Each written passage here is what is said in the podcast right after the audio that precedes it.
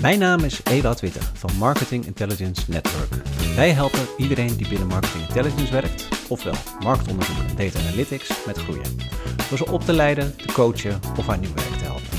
Via werving en selectie en bemiddeling voor freelance opdrachten. En door een stukje inspiratie te bieden. Onder andere via deze podcastserie Marketing Intelligence Inspiration. Dit keer had ik een gesprek met Marit Klooster, algemeen directeur van Ruigrok Onderzoek en Advies. Onder andere over hoe je de technische ontwikkelingen aan de ene kant moet omarmen, maar het menselijke aspect voorop moet blijven stellen. En hoe je medewerkers nog meer aan je organisatie kan binden. Heel veel luisterplezier. Marit, leuk dat je er bent. Ja, vind ik ook. Ja, misschien is het leuk om jezelf allereerst gewoon eventjes uh, kort te introduceren. Ja, dat is goed. Nou, Marit Klooster, directeur van Ruigrok, onderzoek en advies. Ik ben uh, 44 jaar, getrouwd, heb twee uh, zoons van 9 en 11 waar ik veel mee, eh, mee buiten speel. Uh, ben als stagiair ooit begonnen bij Ruigrok. En uh, nooit meer weggegaan. Dat Kijk. ruim twintig jaar geleden inmiddels. In het begin heel breed opgeleid. Dus ik deed kwalitatief en kwantitatief onderzoek. Maar uiteindelijk vond ik de hoe en waarom het leuk. Dus ik ben kwalitatief onderzoeker geworden. Daar ben ik in gespecialiseerd. En op een gegeven moment werd ik ja, de, de chief van het kwalitatieve onderzoeksteam. En in 2008 uh, eh, deed Marja Ruigrok, onze oprichter, die uh, stelde voor medewerkersparticipatie te doen. Hm. Een aantal medewerkers, of iedereen die een vast contract had, die mocht, uh, mocht instappen. En toen dacht ik, nou, dat lijkt me eigenlijk wel leuk om dat te doen. Dus het ging om een heel klein percentage, dus we moesten wat, wat geld inleggen. En het enige verschil was dat we met de jaarrekening mee mochten doen, hè, de, want we waren aandeelhouder. Dus we mochten met de aandeelhoudersvergadering de jaarrekening bespreken. En ik dacht, ik vond het gewoon wel interessant en leuk. En ik dacht, nou, dat is misschien wel ook wel lucratief. En, uh, en het, het grappige was dat ik nooit had gedacht dat ik nog betrokkener zou raken daardoor. Want ik voelde me al heel erg betrokken. Maar dat was wel zo. Juist ook door die cijfers te zien, zeg maar de achterkant van wat je aan de voorkant doet, ja, maak je toch bewuster van bepaalde aspecten van het bedrijf. Nou ja, en dat is uiteindelijk doorgegroeid tot de huidige directie met, uh, met vier uh, man. Dus daar ben ik samen met Hans Onkenhout, Barbara Tan, en Martijn van der Veen, die alle, allemaal toen zijn ingestapt, zijn we nu uh, ja, volledig eigenaar. En uh, runnen we de, de boel. En, uh, en, hoe ziet de boel er nu uit op ja. dit moment? nou, de boel. De boel bestaat uit, in totaal zijn we met 30 rockies, zoals we onszelf intern noemen. En dat zijn de vier eh, directieleden en uh, we hebben twaalf kwalitatieve onderzoekers en 16, 14 of 16, even goed tellen, kwantitatieve onderzoekers. Dus dat is eigenlijk, we zijn een breed full-service bureau, onderzoek en advies. Ja. En ja, die combinatie van kwalitatief en kwantitatief, dat is denk ik wel iets uh, waar we heel trots op zijn dat we dat in huis hebben in een hele platte organisatie. Ja. Dus uh, dat, zo ziet de boel er qua, qua teamsamenstelling uit. Wat is? Ja, we hebben best wel een senior team. We hebben ongeveer de helft van onze collega's die werkt al behoorlijk wat uh, jaren bij ons. Dus dat vinden we ook altijd heel fijn. Ja. dat mensen zo lang uh, ja, zich verbonden voelen aan ons bureau. En, en ook echt wel aan elkaar. We hebben echt best wel een hecht team. We zijn echt wel een heel menselijk bureau. En de andere helft die is dan uh, de laatste jaren ingestroomd. Dus we, we, hebben het streven om elk jaar wel wat fris bloed binnen te halen. Wat we altijd doen is als collega's die binnen, nieuw binnen zijn gekomen, die mogen na drie maanden een frisse blik uh, presenteren. Dus dan houden ze onze spiegel voor en dan zeggen ze, nou, wat me in positieve zin opviel was dit, dat en dat. Ja. Maar waar ik me echt over verbaas, is dit, dit en dit. En dat kan groot en klein. Dat kunnen kleine uh, verbeterpunt zijn in hoe we onze lunch organiseren op kantoor. Ook belangrijk. Maar ook over van, uh, hè, maar hoezo uh, mag ik als ik binnenkom dat wel en dat niet? Ik wil daar ook in meegenomen worden. Dus ook het onboardingproces passen we daarop aan. En nou ja, dat frisse bloed is voor ons natuurlijk ook goed om, om toch ook feeling te houden met wat er nu, wat, wat er vers van de Unie komt en hoe, dat, hoe zij naar zaken kijken. En hebben jullie de, uh, de ontwikkeling altijd een beetje in balans, kwalitatief, kwantitatief in die verhouding gehad? Of is het ene sterk gegroeid in een bepaalde nee, periode? Nee, dat is eigenlijk altijd wel zo een beetje geweest. Altijd een beetje 40, 60 procent. Dus net iets minder kwalie, net iets meer kwanti-onderzoek. En uh, wel, wel altijd bewust dat we het allebei heel graag in huis willen hebben. Omdat ja, de mooiste trajecten zijn toch trajecten waarbij je het kunt combineren. Dus dat je of eerst heel verkennend onderzoek doet, wat je daarna kwantificeert of dat je eerst cijfers ophaalt en dat je daarna denkt, ja, maar ik, ik, heb hier nog wel vragen over. Ik wil nog wel een beetje weten hoe het zit en wat nuance en verdieping zoeken. Het is niet zo dat dat bij alle projecten zo is. We doen best wel veel trajecten die gewoon of het een of het ander zijn. Maar wel steeds meer gecombineerde trajecten. En dan, we werken met kleine teams. Dus bij een, een traject heeft normaal gesproken twee personen op een uh, werk aan een project. En die doen het echt van A tot Z. Dus zij doen opzet, contact met de opdrachtgever, uitvoering en analyse en rapportage en, en, het adviesstuk eventueel daarna. Waarbij natuurlijk wel op verschillende momenten wat interne experts aanschuiven. Maar ook als het een gecombineerd traject is, dan voegen we eigenlijk twee teams samen. Dus heb je vaak een kwalie- en een kwanti-onderzoeker. En een aantal onderzoekers hebben, ze van, hebben van beide kanten wat meer kennis. En dan blijf je gewoon heel met een heel compact team kun je dan uh, je opdrachtgever bedienen. En hebben jullie binnen jullie teams ook uh, interne specialismes, bepaalde type projecten die jullie echt veelvuldig uh, doen? Wij doen bovenal onderzoek op maat. Dus altijd staat de vraag centraal van de opdrachtgever of de uitdaging waar die tegenaan loopt. En zijn de, de beschikbare middelen, dat is een beetje het speelveld waar we dan mee moeten dealen. En uh, onze toolbox is vrij uitgebreid, waarbij kwalie en kwanti de grootste componenten zijn. Maar ook allerlei technieken die je daar, daarin weer kunt inzetten. En dan is de eerste, het eerste puzzeltje is van oké, hoe kunnen we het onderzoek zo goed mogelijk ontwerpen dat we de juiste inzichten krijgen. Waar we wel wat sterker in zitten is UX-onderzoek doen we veel. We zijn best wel trots op onze samenwerking met de Rijksoverheid. Die hebben we al nou, sinds 2014 officieel in een raamcontract. Wat hm. steeds, waarbij we steeds uh, verlengen. verlengen. En waar het steeds gelukt is om weer opnieuw in het mandje te komen. Maar eigenlijk sinds 2007 of zo doen we ook al op een wat uh, informelere manier eh, UX-onderzoek voor de overheid. Ja, en dat is echt een heel mooi voorbeeld van de eindgebruiker serieus nemen. Dus, dus UX is natuurlijk en gewoon kijken van werkt een website goed, meer het usability aspect. Maar eigenlijk zijn de trajecten veel vaker ook het, het, het behoeftestuk van ja, wat, wat wil zo'n gebruiker eigenlijk en hoe ziet zijn belevingswereld eruit? En, en hoe kan een overheid daar dan iets voor maken, een digitaal middel, of verbeteren, zodat je echt geholpen wordt als burger of als interne gebruikers. Het zijn soms ook wel zakelijke gebruikers. Ehm, dus user experience is echt wel een heel puur voorbeeld voor mij ook van wat, het, wat ons vak relevant maakt, zeg maar. Dat je, dat je ervoor, dat is mijn drijfveer, dat, je er, dat we ervoor zorgen dat er geen producten en diensten meer zijn waarvan je denkt, huh? Hoezo werkt dit zo, weet je wel? Heeft niemand hierover nagedacht? Heeft niemand hier even de buurvrouw naar laten kijken, bij wijze van spreken? En, en dat is in UX, dat is bijna de puurste vorm. Maar toch, door dat behoeftestuk, zit je toch ook wel snel ook op een wat strategischer niveau. Hmm.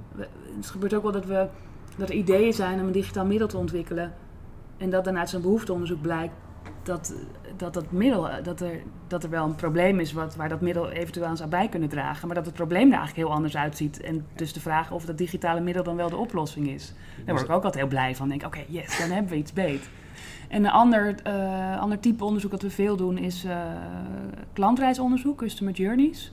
En uh, ja, dat, dat vind ik ook fantastisch, omdat je dan echt de, de klant volgt in al zijn contactmomenten met het bedrijf of over het bedrijf. En daarin ziet wat er goed gaat en wat er minder goed gaat. En wat je als bedrijf daar nog in kunt verbeteren. Maar ook het bewustzijn dat je klant meerdere contactmomenten heeft die wel ergens met jou te maken hebben, maar waar je natuurlijk geen invloed op hebt. En uh, dat doen we veel voor UWV. Ja. Wat, ja, dat, die hebben natuurlijk klanten die tegen wil en dan klant zijn bij ze.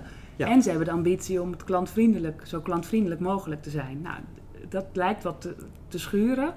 Maar met die klantreisonderzoeken kom je best wel op, op, op punten hoe zij een klantreis kunnen verbeteren. Waardoor het contact en het begrip prettiger wordt voor, uh, voor hun klanten. Nou, we hebben bijvoorbeeld geleerd dat heel veel, heel veel ging per brief of per mail, veel communicatie. Maar soms, als het een wat ja, heikeler onderwerp was, dan kwam dat nogal rauw op, op de dak. Dus wat er gebeurt nu, is dat bij heikele onderwerpen, dat zo'n klant van tevoren gebeld wordt, waarbij het wat meer wordt toegelicht.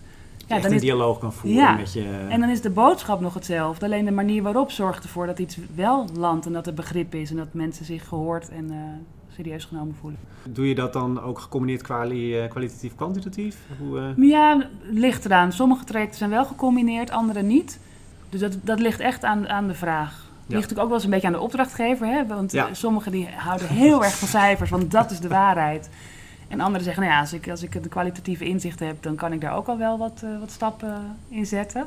Of soms kennen ze het een of het ander niet eens uh, nou, op een goede manier. Ja, dat gebeurt ook nog wel. Dus soms hebben we ook nog wel wat uh, parochiewerk te doen. ja. Wat zendingswerk, ja. Um, ja, en, en, ja, wat de basis van ons vak natuurlijk is om onze opdrachtgevers te helpen om, om betere beslissingen te nemen, betere producten. betere diensten. Ik kom wel eens dingen tegen. Nou, we stonden net bij de koffieautomaat. Als je die voor de eerste keer gebruikt, dan denk je, hm? Ja, dat is ook zo'n heel simpel voorbeeld. Of als je in een heel, heel designhotel bent, dat je een kraan hebt. En dat je dan denkt, oké. of er dan een briefje bij hangt hoe je die kraan moet bedienen. Nou, dat vind ik dan... Ja. Dat zijn ook van die... Ja, dat, is natuurlijk, dat zijn niet de dingen die we onderzoeken. Maar dat is wel het, het, het, het principe van waarvan ik denk... Ja, we hebben gisteravond een nieuwe laptop uh, uh, een kwartier naar een aanknop zitten zoeken. Nou, dat soort dingen, dat is toch wonderlijk? ja, ja, echt bizar. Echt bizar. En dat je ook denkt van... Uh, en dat je dan inderdaad een heel forum ziet van allemaal mensen die ook die aanknop niet konden vinden. dat vind ik echt hilarisch. ja, dus daar is veel zendingswerk in te doen. Ja, ja. ja. Hey, om nog, als, uh, nog een klein beetje terug te kijken. Je noemde net al inderdaad, jullie zijn op een gegeven moment hè, gaan participeren. En dat dat voor jou in ieder geval persoonlijk ook een hele uh, belangrijke stap is geweest in de binding met, met Ruigrok. In de ontwikkeling van het bedrijf in de breedte. Wat zijn eigenlijk nou ja, keuzes, momenten geweest waarop je denkt, oh ja, daar is het echt bepaalde manier een stap gezet. Waarin we nou ja, echt mooi vooruit uh, ja. zijn gegaan. Nou ja, ik denk wat heel belangrijk voor ons is, is dat we een onafhankelijk zelfstandig bureau zijn en dat willen blijven. Dus we zijn een van de weinigen die nog helemaal op eigen poten staan en uh, nou, bijna een soort familiebedrijf zou je het kunnen, zou je het kunnen zeggen. Ik denk dat Marja daar een hele belangrijke rol in heeft gespeeld door die medewerkersparticipatie te, te starten. Dus wij hebben nu met de huidige directie ook wel de ambitie om dat weer in de toekomst te doen. Hè? Dat, we, ja. dat we dat graag ook weer voort zouden willen zetten. En ik denk dat andere belangrijke beslissingen zijn dat we. Ja, we hebben. Ik werk al twintig jaar, dus ik wil zeggen, we hebben een professionaliseringsslag gemaakt. Maar dat is misschien wel van, van 15, 15 tot een jaar terug al gedaan. Een belangrijke keuze dat we altijd jonge onderzoekers aannemen. Dus die of net klaar zijn van de Unie of een paar jaar werkervaring hebben en dat we ze zelf opleiden.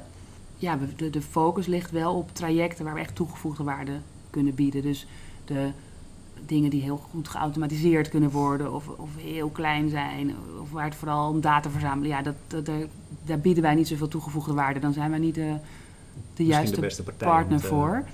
Um, maar dat menselijke aspect wat je net Dat menselijke aspect is heel belangrijk. En dat, ik denk dat onze collega's merken dat heel erg. Nou ja, het feit dat ze zo lang bij ons blijven, maar ook er is gewoon heel veel ruimte voor dat de mens achter de medewerker, hè, je, ja, hoe jij op kantoor komt ochtends, wat je thuis al hebt meegemaakt, dat bepaalt nogal. En uh, nou ja, daar is veel ruimte voor. En, en dat streven we ook naar in onze relaties. We hebben wel, wel sessies met het MT gedaan, ook wel eens van die heidedagen. En de uh, relatie is vaak het codewoord waar alles op terugkomt. Zowel met de medewerkers, maar ook met onze opdrachtgevers. Er zijn natuurlijk opdrachtgevers die ook al jaren, waarmee we jaren oplopen. En um, ja, die, die langdurige relatie en, en echt voor elkaar willen gaan, ja. dat is wel kenmerkend voor, uh, voor ons. En, en ook hè, als er dan eens een keer een kink in de kabel komt, dat je ook het gesprek met elkaar voert en dat je daarvan leert. En, dus dat je, ja, dat je het echt met elkaar samen doet. En dat is natuurlijk een voordeel omdat je elkaar leert kennen en je, je weet hoe de hazen lopen en je kent de, de, de, de situatie van zo'n organisatie. Ja, maar het zit, het zit heel erg in het relationele aspect, de persoonlijke aanpak. En uh, nou ja, je draait, uh, wat je zei, al een tijdje in het vak mee. Als je het ziet wat de ontwikkelingen van het vak in de breedte uh, zijn geweest in de afgelopen vijf tot tien jaar, pak een beet. ja, hoe anders is het nu ten opzichte van bijvoorbeeld tien jaar geleden? Ja, nou, dat is wel. Ik zou, ik zou willen zeggen dat ik al zei, nou, er zijn echt heel veel dingen veranderd. maar eigenlijk zijn ook heel veel dingen best wel hetzelfde gebleven. Hmm. Dus wat de kern van ons vak is, is dat we, dat we de situatie en de uitdaging van onze opdrachtgever heel goed begrijpen dat je vervolgens bedenkt wat voor informatie je nodig hebt om daaraan bij te dragen. Dat je die informatie verzamelt. En dat je die bekijkt en, en daar inzicht uit haalt. Dus betekenis geeft aan wat je vindt. En ehm, vroeger, heel vroeger deden we dat door telefonisch onderzoek. Hm. Toen deden we dat door online onderzoek. Nu doen we dat, wij niet, maar is er heel veel big data waar ja. inzicht uit gehaald worden. Dus in die zin denk ik dat de kern van ons vak eigenlijk best wel hetzelfde is gebleven. Alleen de middelen die we gebruiken zijn veranderd. Dus het feit dat er heel veel big data is gekomen, betekent dat, dat bepaalde type onderzoeken niet meer voorkomen. Um, nou, je gaat geen prijsonderzoek doen als je met digitale, van die fancy prijskaartjes in de supermarkt gewoon kan testen in de praktijk hoe iets, uh, welke prijs het beste werkt. Maar als je wilt weten wat een prijs op merkbeleving doet bijvoorbeeld, dan moet je in gesprek. En dat kan heel letterlijk door een dialoog te voeren, kwalitatief. Maar dat kan natuurlijk ook wat figuurlijker door online onderzoek te doen. En op kwalitatief gebied uh, denk ik dat er, zo, dat er misschien nog wel minder veranderd is. Want dat, gesprek, dat gesprek voeren, de dialoog aangaan, ja, dat doen we eigenlijk al zolang we onderzoek doen. Alleen dat deden we face-to-face. Nou ja, nu door de coronapandemie enorme vlucht van online kwalitatief onderzoek. Wat we echt omarmd hebben. Ja. In, toen dat net gebeurde en we in één keer om moesten, was wel Shit, we moeten. lichte paniek. Want we deden dat dan wel eens als het echt niet anders kon. En nu moesten we. En toen dachten we, oké, nou, maar nou ja, dat had wat, uh, wat aanloopuitdagingen. maar ja, het is zo fijn, want je kan zo makkelijk geografische spreiding realiseren. Mensen kunnen makkelijker meedoen. Zie je nog nadelen, beperkingen, Voor zoals, je ze, zoals je ze daarvoor ook zag? Of, of zeg je van, die, wat ik van tevoren een beetje als nou, angst zag, dat is nee, eigenlijk, want, valt mee? Valt heel erg mee. Hm. De beperking is denk ik, wij zijn geen fan van online groepen. Met een groep, dan nodigen we zes tot acht mensen uit, fysiek. Ja, dan daar, daar moet je het echt van de dynamiek van de groep hebben. En dat is online toch wel een uitdaging om te realiseren. Dus als je kleine groep is met zo'n vier mensen, dat gaat nog net. Maar wat groter, je, je mist die dynamiek van die groep, wat juist zo waardevol is van een groep, uh, groepsessie. Ja, en het ligt ook wel een beetje aan het onderwerp. Het ligt eraan of je materiaal wil voorleggen en of dat digitaal goed voor te leggen is. Of dat je toch liever mensen uh, aan tafel hebt. Dus het is, eigenlijk kijken we nu heel erg van wat is de vraag? Moeten we materiaal voorleggen? Uh, willen we een geografische spreiding realiseren? En dan bepalen we wat, wat zijn daar de belangrijkste wat we doen. kenmerken voor. Ja. En een voordeel van fysiek onderzoek is dat je je opdrachtgever ook fysiek bij elkaar hebt. Want uh, die, die groepsdynamiek die bij een groep respondenten speelt, die is in de meekijkruimte ook aanwezig. Ja. En dat is, ja, dat is leerzaam ook voor een onderzoeker, want je weet wie waarmee bezig is, over wat politiek speelt. Dat weet je als het goed is al van tevoren, maar...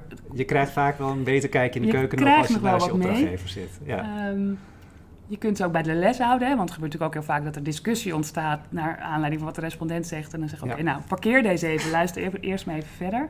Dus we combineren het nu ook vaak. Dat zeggen we doen een dag veldwerk op locatie en een dag online. Of we doen online en dan willen we ook nog wel eens dat we wel een fysieke meekijkruimte realiseren. Dus dat we de opdrachtgever oh, uitnodigen om... Alsnog met jou mee te kijken. En als wij, eh, stel we zitten over tien jaar weer eh, bij elkaar en we kijken terug. Denk je dan dat we ook eh, zeggen van de essentie is nog steeds hetzelfde en het valt eigenlijk wel mee wat er veranderd is? Of gaat de wereld nu echt wel een andere kant op? Ik denk dat het voor een groot deel vergelijkbaar is. Maar je, ja, dat AI is natuurlijk wel here to stay. het, is, het is nu ja, veel, het is echt een busterm mm, en er wordt veel over gezegd. Veel zin en veel onzin. En, maar dat, dat, is wel iets blijvend. En dat is ook wel iets wat, wat nu al wordt toegepast en wat we ook wel toepassen en waar we mee aan het experimenteren zijn. Ja, als je over tien jaar terugkijkt, dan zijn er ook wat type onderzoeken die je niet meer, wat ik net zei van zo'n prijsonderzoek, hoef je niet meer uit te vragen, want dat kan je gewoon in de praktijk zien. Dat zal op grotere schaal gebeuren. Ja. Uh, ongetwijfeld kun je ook een, een, een AI een website laten bekijken en op basis van wat hij allemaal weet over websitegedrag daar een oordeel uithalen. Dus ik denk dat dat, dat soort dingen, uh, dat we dan als we terugkijken, dat soort dingen wel bestaan. Maar ik blijf wel echt geloven hebben in de dialoog, in het gesprek. Want je wilt toch beleving, ervaring, emotie. Nou, AI kan ook emotie, maar dat moet hij volgens mij wel een klein beetje beter in worden. Ja, en ik denk dat er ik ben heel benieuwd over tien jaar waar we, waar we dan staan op het gebied van, van deelnemers aan onderzoek. Want dat, dat is wel een, een uitdaging aan het worden. Ja. Zeker voor kwantitatieve, echt goede representatieve steekproeven. Nou, er zijn wel een aantal groepen die, die moeilijk bereikbaar zijn. En dat gaat nu allemaal nog wel, maar daar, ja, dat is wel iets wat, uh, wat spannender, spannender wordt. Ja, en, en denk je van, dan moeten echt hele andere oplossingen voorkomen? Of, of um, in de zin van techniek, of juist in de zin van uh, in, inhoudelijk? Of, of, nou, ik denk dat, dat je dat, waar we nu natuurlijk best wel, wij streven altijd naar acceptabele lengtes van vragenlijsten, zodat mensen nou, een minuut of zeven, à, nou, hooguit tien het kunnen invullen. Maar dat is voor jongere generaties veel te lange spanningsboog. Dus ik voorzie wel dat vragenlijsten opgeknipt worden. Dat, dat je meerdere mensen verschillende delen van, van, vraag, van vragenlijsten laat, uh, laat beantwoorden. Maar dan is de uitdaging, wie heeft je steek, wat is je steekproef en over wie zeg je dan wat? Dus ik, ik heb daar nog geen, uh, nog geen oplossing voor. Maar we hebben ook wel zelf onderzoek gedaan onder jongeren om te kijken van ja, hoe kunnen we jou nou betrekken, blijven betrekken in onderzoek? Want de panels, ja, dat, het is toch een wat ouder publiek wat trouw is en wat het leuk vindt om Ja. af en toe zijn vragenlijst in te vullen. En die jongeren zeggen, ja, als het een thema is wat me aanspreekt, wil ik daar best wel eventjes tijd voor maken. Maar eventjes, eenmalig, als het me aanspreekt, als het me uitkomt. Dus Ja. het, is natuurlijk, het is echt wel zoeken.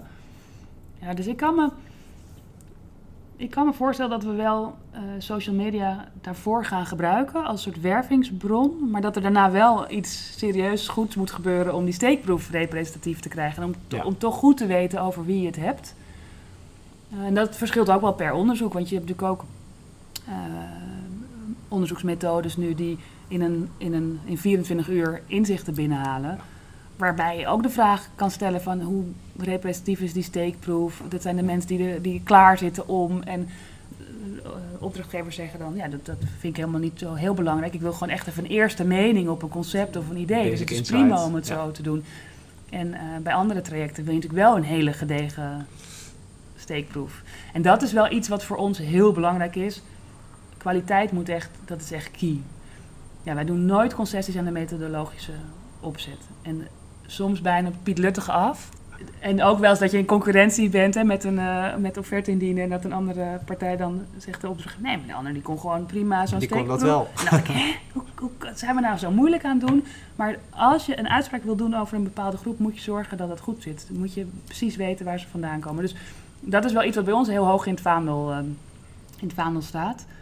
Uh, dus, dus als je op andere manieren je steekproef ja. samenstelt, ja, dan moet dat wel. Dan... De spagaat zal voor jullie misschien nog wat uh, verder stretchen ja. dan, uh, ja. dan gemiddeld. En je zei net van, we zijn al wel wat op het gebied van AI aan het experimenteren. Wat voor soort dingetjes zijn nou, jullie al aan de, het doen? De belangrijkste, maar die, dat is niet een hele nieuwe tekstanalyse.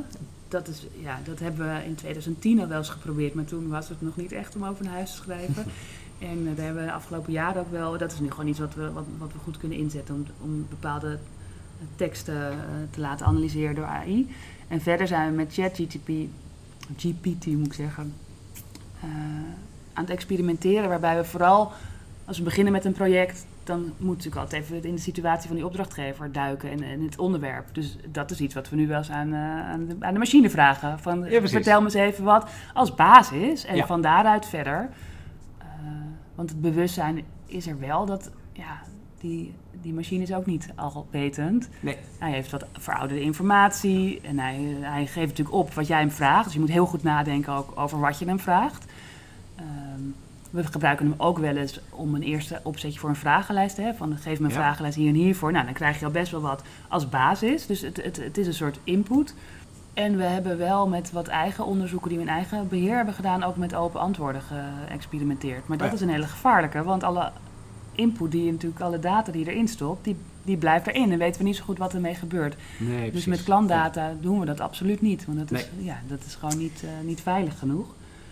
Dus zo zijn we daar, uh, zijn we daar nu mee, uh, mee bezig. En met zo'n vragenlijst uh, zie je dan ook echt van, hé, hey, dit scheelt ons tijd? Of is het meer van interessant om te zien wat eruit komt en het is eigenlijk nog steeds dat we wel ja, wij hebben natuurlijk, wij hebben, hoewel we onderzoek op maat hebben, hebben we natuurlijk wel een aantal vaste vragensets. Dus in ja. een merkonderzoek zijn dit vragen die vaak voorkomen. En dus, dus die uh, hebben we zelf ook. Maar het is vooral om te kijken, wat doet hij?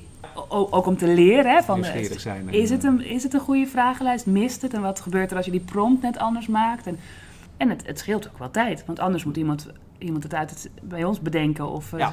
uh, samenstellen. En nu heb je alvast een basis. Ja, je moet er wel voor waken dat je ook wel eerst zelf hebt nagedacht. In ieder geval van welke onderdelen moeten er in ieder geval in terugkomen. En wat vind ik belangrijk. Ja. Want het risico is natuurlijk dat als die vragenlijst uitgespuugd is, dat je dan denkt, nou, heb ja, ik hem. dan heb je je kader. En, uh, dus het is... Uh, Nog niet leunen op de techniek, maar nee, wel maar, uh, ja, sparren, verkennen, sparren, zo kan je het noemen, ja. ja. ja. En zie je het ook al binnenkort gebeuren dat je echt delen van rapportages overlaat aan, aan AI-technologie?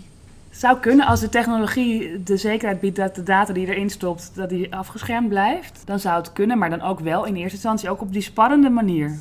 Ja, ik ben wat dat betreft best wel conservatief hoor. Ik denk dan ook, uh, ik heb gelukkig collega's die wat uh, progressiever zijn. Maar die, ja, ik denk toch, ja, de, sommige dingen haal je er, haalt de machine er misschien niet uit. Ik weet dat nog niet zo goed. Nee, en, en volgens mij is niemand die het zeker weet op dit moment. En, uh, is denk ik experimenteren vooralsnog de, ja, de meest logische fase waar je Ja, in kunt... Ik eh, hoorde toevallig laatst een eh, radio-interview van een docent op een middelbare of een hogere school, weet ik niet meer. Ook van wat is dan het, eh, het risico van, van AI en van zo'n chat, GPT. En zij zei van ja, dat is eigenlijk hetzelfde als toen Google opkwam. Daarvoor moesten mensen de bibliotheken en dingen gaan zoeken. Toen kwam Google en nu komt dit. En het is prima als je het gebruikt ter input. Ja. Als je daarna er maar op reflecteert en het aanpast en het naar je eigen hand zet. En, en ook vooral controleert of, of, het, of het klopt. Van ja, we kunnen er niet meer omheen. Dus nou, dan, moet je, dan kan je het als hulpmiddel kunnen gebruiken. Maar dan moet je wel studenten weer leren hoe ze er goed mee omgaan. En, en ik denk dat wij als onderzoekers ook in die fase zijn. De hele branche is denk ik hartstikke hard aan het experimenteren. Ja. Gaat af en toe op zijn bek en, eh, en wordt daar weer wijzer van. Dus- En ik zit nog te denken, andere ontwikkeling van de afgelopen vijf tot tien jaar is natuurlijk het hele AVG en het, het eh, informatiebeveiligingsstuk. Wat super belangrijk is, maar wat ook best wel administratief eh, nou ja, Heftig is. Heftig is, ja. ja. Dus we, we hebben ISO's en nou, dat is best wel een traject om, daar, om dat te, te regelen. En sommige dingen waren heel vanzelfsprekend en andere. En so- soms denk ik wel eens van, goh, eh, we moeten heel goed het, het doel van, van al die regeltjes voor ogen houden. Ook wel met bepaalde opdrachtgevers die dan niet zoveel ervaring nog met marktonderzoek hebben. En wel met andere dingen. En dan denk je, oké, dan wordt, moet alles helemaal afgetimmerd zijn. En dan denk ik soms, we vergeten het doel. Dus tuurlijk, het moet afgetimmerd zijn. Maar ja, dat is natuurlijk, als je kijkt naar hoe wij 10, 15 jaar terug onderzoek deden. Ja, zoiets van andere, eh, andere orde. Eh, tot slot eh, ben ik altijd wel benieuwd eh, nou ja, wat, wat je doet om bij te blijven, zowel voor het vak, maar misschien ook wel breder dan dat. Wat je graag leest of luistert. Of, nou ja, je daar nog tips in hebt voor de luisteraars? Nou, ik, ik lees de geëigende bronnen, ESMR. Ik ben bestuurslid van Data en Insights Network sinds kort. Dus dat is een belang. Nou, Mo was altijd al een belangrijke bron, maar nu nog dichter op het vuur. Eh Quirks vind ik al een leuke bron voor internationaal kwalitatief, waar veel eh, Hm. ontwikkelingen en nieuwe technieken en zo worden gedeeld. Hoe eh, schrijf je dat even voor? Ja, Q-U-I-R-K. Of misschien CK. Oké, maar ik zal in ieder geval in de Ja. show notes. Als bureau maken we ook wel gebruik van SWOC. Om Oh ja. die combinatie van het wetenschappelijke en het meer de praktijk te combineren. Nou, dat is de ene keer relevanter onderwerp dan de andere keer, maar dat houden we wel altijd goed in de gaten. En verder denk ik, ik ben dus niet een heel erg een filmpjes of podcast kijker, luisteraar, maar dat, ik zal mijn leven beteren. je wiegt het net al op. Ik doe het al op, ja. Eh, ja, gewoon, ik denk dat wij als marktonderzoekers gewoon heel nieuwsgierig moeten zijn naar wat er om ons heen gebeurt. Ook het, de algemene ontwikkeling van, eh, ja, van, van de samenleving en hoe mensen tegen elkaar staan. En bewust zijn dat je in je eigen bubbel verkeert. En dus ook proberen om daar soms bewust even uit te stappen. En wat ook een goede is, Ja. maar die is, te- die is een beetje flauw, maar eh Kakhiel, dat is zo'n Mm. eh, platform met allemaal flauwigheid. ja, Maar die heeft heel vaak van die voorbeelden waar we het eerder over hadden, dat je denkt, hoe kan iemand dit bedacht hebben? Het is, de, dat is een soort van, nou ja, zie je wel. En dat zijn nooit dingen waar wij onderzoek naar doen, maar wel het, het, het, het, gedachtegoed van, oké, hier had je echt beter over na moeten denken. Oké, zijn er eh, tot slot nog dingen waarvan je zegt van die zijn, eh, hebben we nog niet besproken, vind ik nog Eh, eens even te denken. nodig om te vermelden of leuk? Nou ja, wat misschien ook wel leuk is om te zeggen, is dat over die, die verandering van ons vak. Ik denk dat advies een steeds grotere rol gaat spelen. Onderzoek en ook advies is natuurlijk het middel om onze opdrachtgevers verder te helpen. En waar vroeger was onderzoek een soort het grootste, de holy grail, zijn we ons nu wel bewuster van ja, we zijn slechts een puzzelstukje in, in een groter geheel. Maar ehm, er gaat steeds meer aandacht en tijd zitten ook in, in hoe onderzoeksresultaten dan in de organisatie verder worden gebracht. En dat is iets wat de afgelopen jaren is gegroeid, maar wat, wat wel steeds, steeds meer wordt. Dus eh, wij doen veel vaker werksessies met intern betrokkenen om Ja. de resultaten te delen, om ze te laten doorleven. Of een soort showcase, dat we een aantal deelnemers nog een keer het verhaal laten vertellen. Wat, wat vooral is om die resultaten gewoon ja, over de bühne te krijgen in de organisatie. Maar ook veel vaker sessies waarbij we ze al helpen om de eerste stappen te zetten. Dus wij maken niet het nieuwe, wij, wij- maar we geven ze wel de handvat van oké, wat moet er dan gebeuren als we dit nu weten?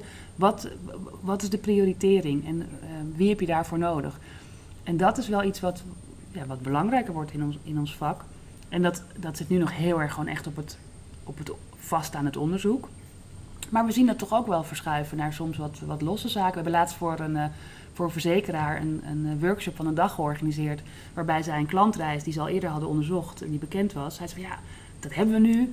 Ja, en nu? Wat, we moeten daar stappen mee zetten. Dus we hebben een hele dag uh, georganiseerd waarin we die medewerkers door die materie hebben genomen. En ze via allerlei werkvormen hebben aangezet om, oké, wat leer je ervan? En wat kan je morgen al doen? Wat, wat is voor langere termijn? En daar zijn echt kansen en, uh, en ontwikkelpunten uitgekomen. Dus ja, dan gebeurt er wat. Hè? Dat onderzoek wat in die lab landt, dat moet niet meer. En dat, dat wordt steeds minder. Omdat we gewoon, ja, daar hebben wij toch ook meer grip op nu. Doordat we onze klanten daarmee mogen nemen. Nou, ik denk, uh, hele mooie afsluiter. Dankjewel voor dit gesprek. Ja, en, uh, leuk. Ja, leuk om uh, dit zo met jou te delen. Ik denk, nou, hoop mooie, mooie inzichten. Leuk, nou, dankjewel voor je tijd. En hiermee zijn we weer aan het einde gekomen van deze podcast. Ik hoop dat je het weer interessant vond. Er staan weer nieuwe podcasts in de planning, dus hou onze website, LinkedIn of jouw favoriete podcast app in de gaten. Leuk dat je weer luisterde en hopelijk tot de volgende.